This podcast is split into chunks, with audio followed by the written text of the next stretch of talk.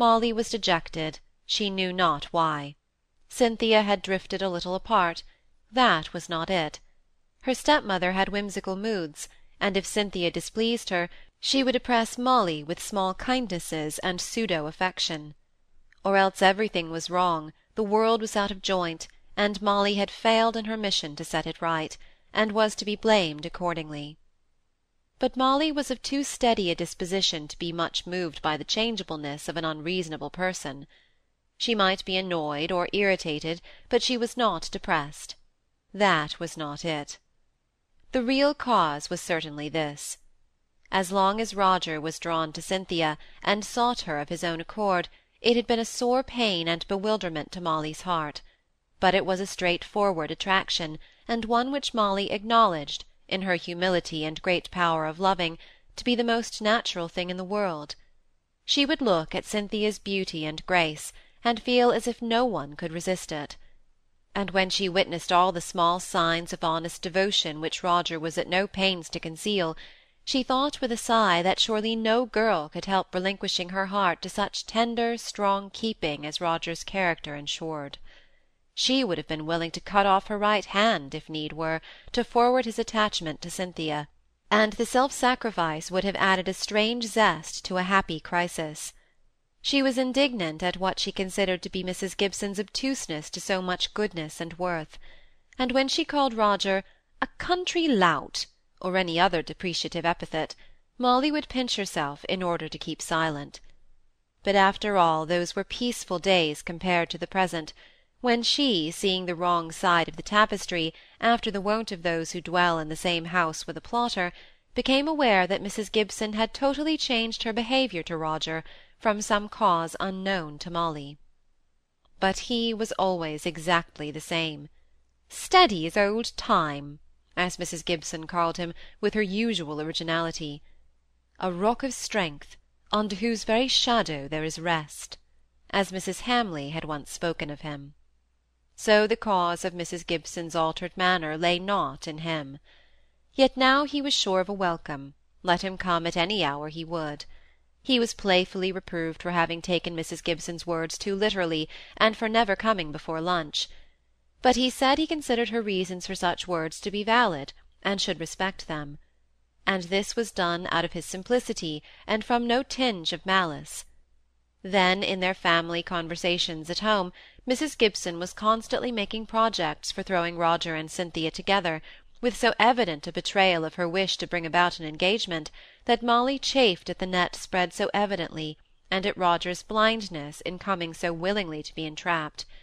She forgot his previous willingness, his former evidences of manly fondness for the beautiful Cynthia; she only saw plots of which he was the victim, and Cynthia the conscious if passive bait. She felt as if she could not have acted as Cynthia did, no, not even to gain Roger's love. Cynthia heard and saw as much of the domestic background as she did, and yet she submitted to the role assigned to her. To be sure, this role would have been played by her unconsciously, the things prescribed were what she would naturally have done, but because they were prescribed, by implication only, it is true, Molly would have resisted; have gone out, for instance, when she was expected to stay at home, or have lingered in the garden when a long country walk was planned. At last, for she could not help loving Cynthia come what would, she determined to believe that Cynthia was entirely unaware of all, but it was with an effort that she brought herself to believe it. It may be all very pleasant to sport with Amaryllis in the shade, or with the tangles of Neaera's hair but young men at the outset of their independent life have many other cares in this prosaic England to occupy their time and their thoughts. Roger was fellow of Trinity, to be sure, and from the outside it certainly appeared as if his position, as long as he chose to keep unmarried, was a very easy one. His was not a nature, however, to sink down into inglorious ease, even had his fellowship income been at his disposal. He looked forward to an active life, in what direction he had not yet determined. He knew what were his talents and his tastes, and did not wish the former to lie buried, nor the latter, which he regarded as gifts, fitting him for some peculiar work, to be disregarded or thwarted. He rather liked awaiting an object, secure in his own energy to force his way to it, when once he saw it clearly. He reserved enough of money for his own personal needs, which were small, and for the ready furtherance of any project he might see fit to undertake. The rest of his income was Osborne's, given and accepted in the spirit which made the bond between these two brothers so rarely perfect. It was only the thought of Cynthia that threw Roger off his balance. A strong man in everything else, about her he was as a child. He knew that he could not marry and retain his fellowship. His intention was to hold himself loose from any employment or profession until he had found one to his mind, so there was no immediate prospect, no prospect for many years, indeed, that he would be able to marry. Yet he went on seeking Cynthia's sweet company, listening to the music of her voice, basking in her sunshine, and feeding his passion in every possible way, just like an unreasoning child. He knew that it was folly, and yet he did it and it was perhaps this that made him so sympathetic with Osborne. Roger racked his brains about Osborne's affairs much more frequently than Osborne troubled himself. Indeed, he had become so ailing and languid of late that even the squire made only very faint objections to his desire for frequent change of scene, though formerly he used to grumble so much at the necessary expenditure it involved. "After all, it doesn't cost much," the squire said to Roger one day. Choose how he does it, he does it cheaply. He used to come and ask me for twenty, where now he does it for five. But he and I have lost each other's language, that's what we have; and my dictionary (only he called it dictionary) has got all wrong because of those confounded debts, which he will never explain to me or talk about. He always holds me off at arm's length when I begin upon it. He does, Roger. Me, his old dad, as was his primest favourite of all when he was a little bit of a chap. The squire dwelt so much upon Osborne's reserved behaviour to himself, that brooding over this one subject perpetually he became much more morose and gloomy than ever in his manner to Osborne, resenting the want of the confidence and affection that he thus repelled.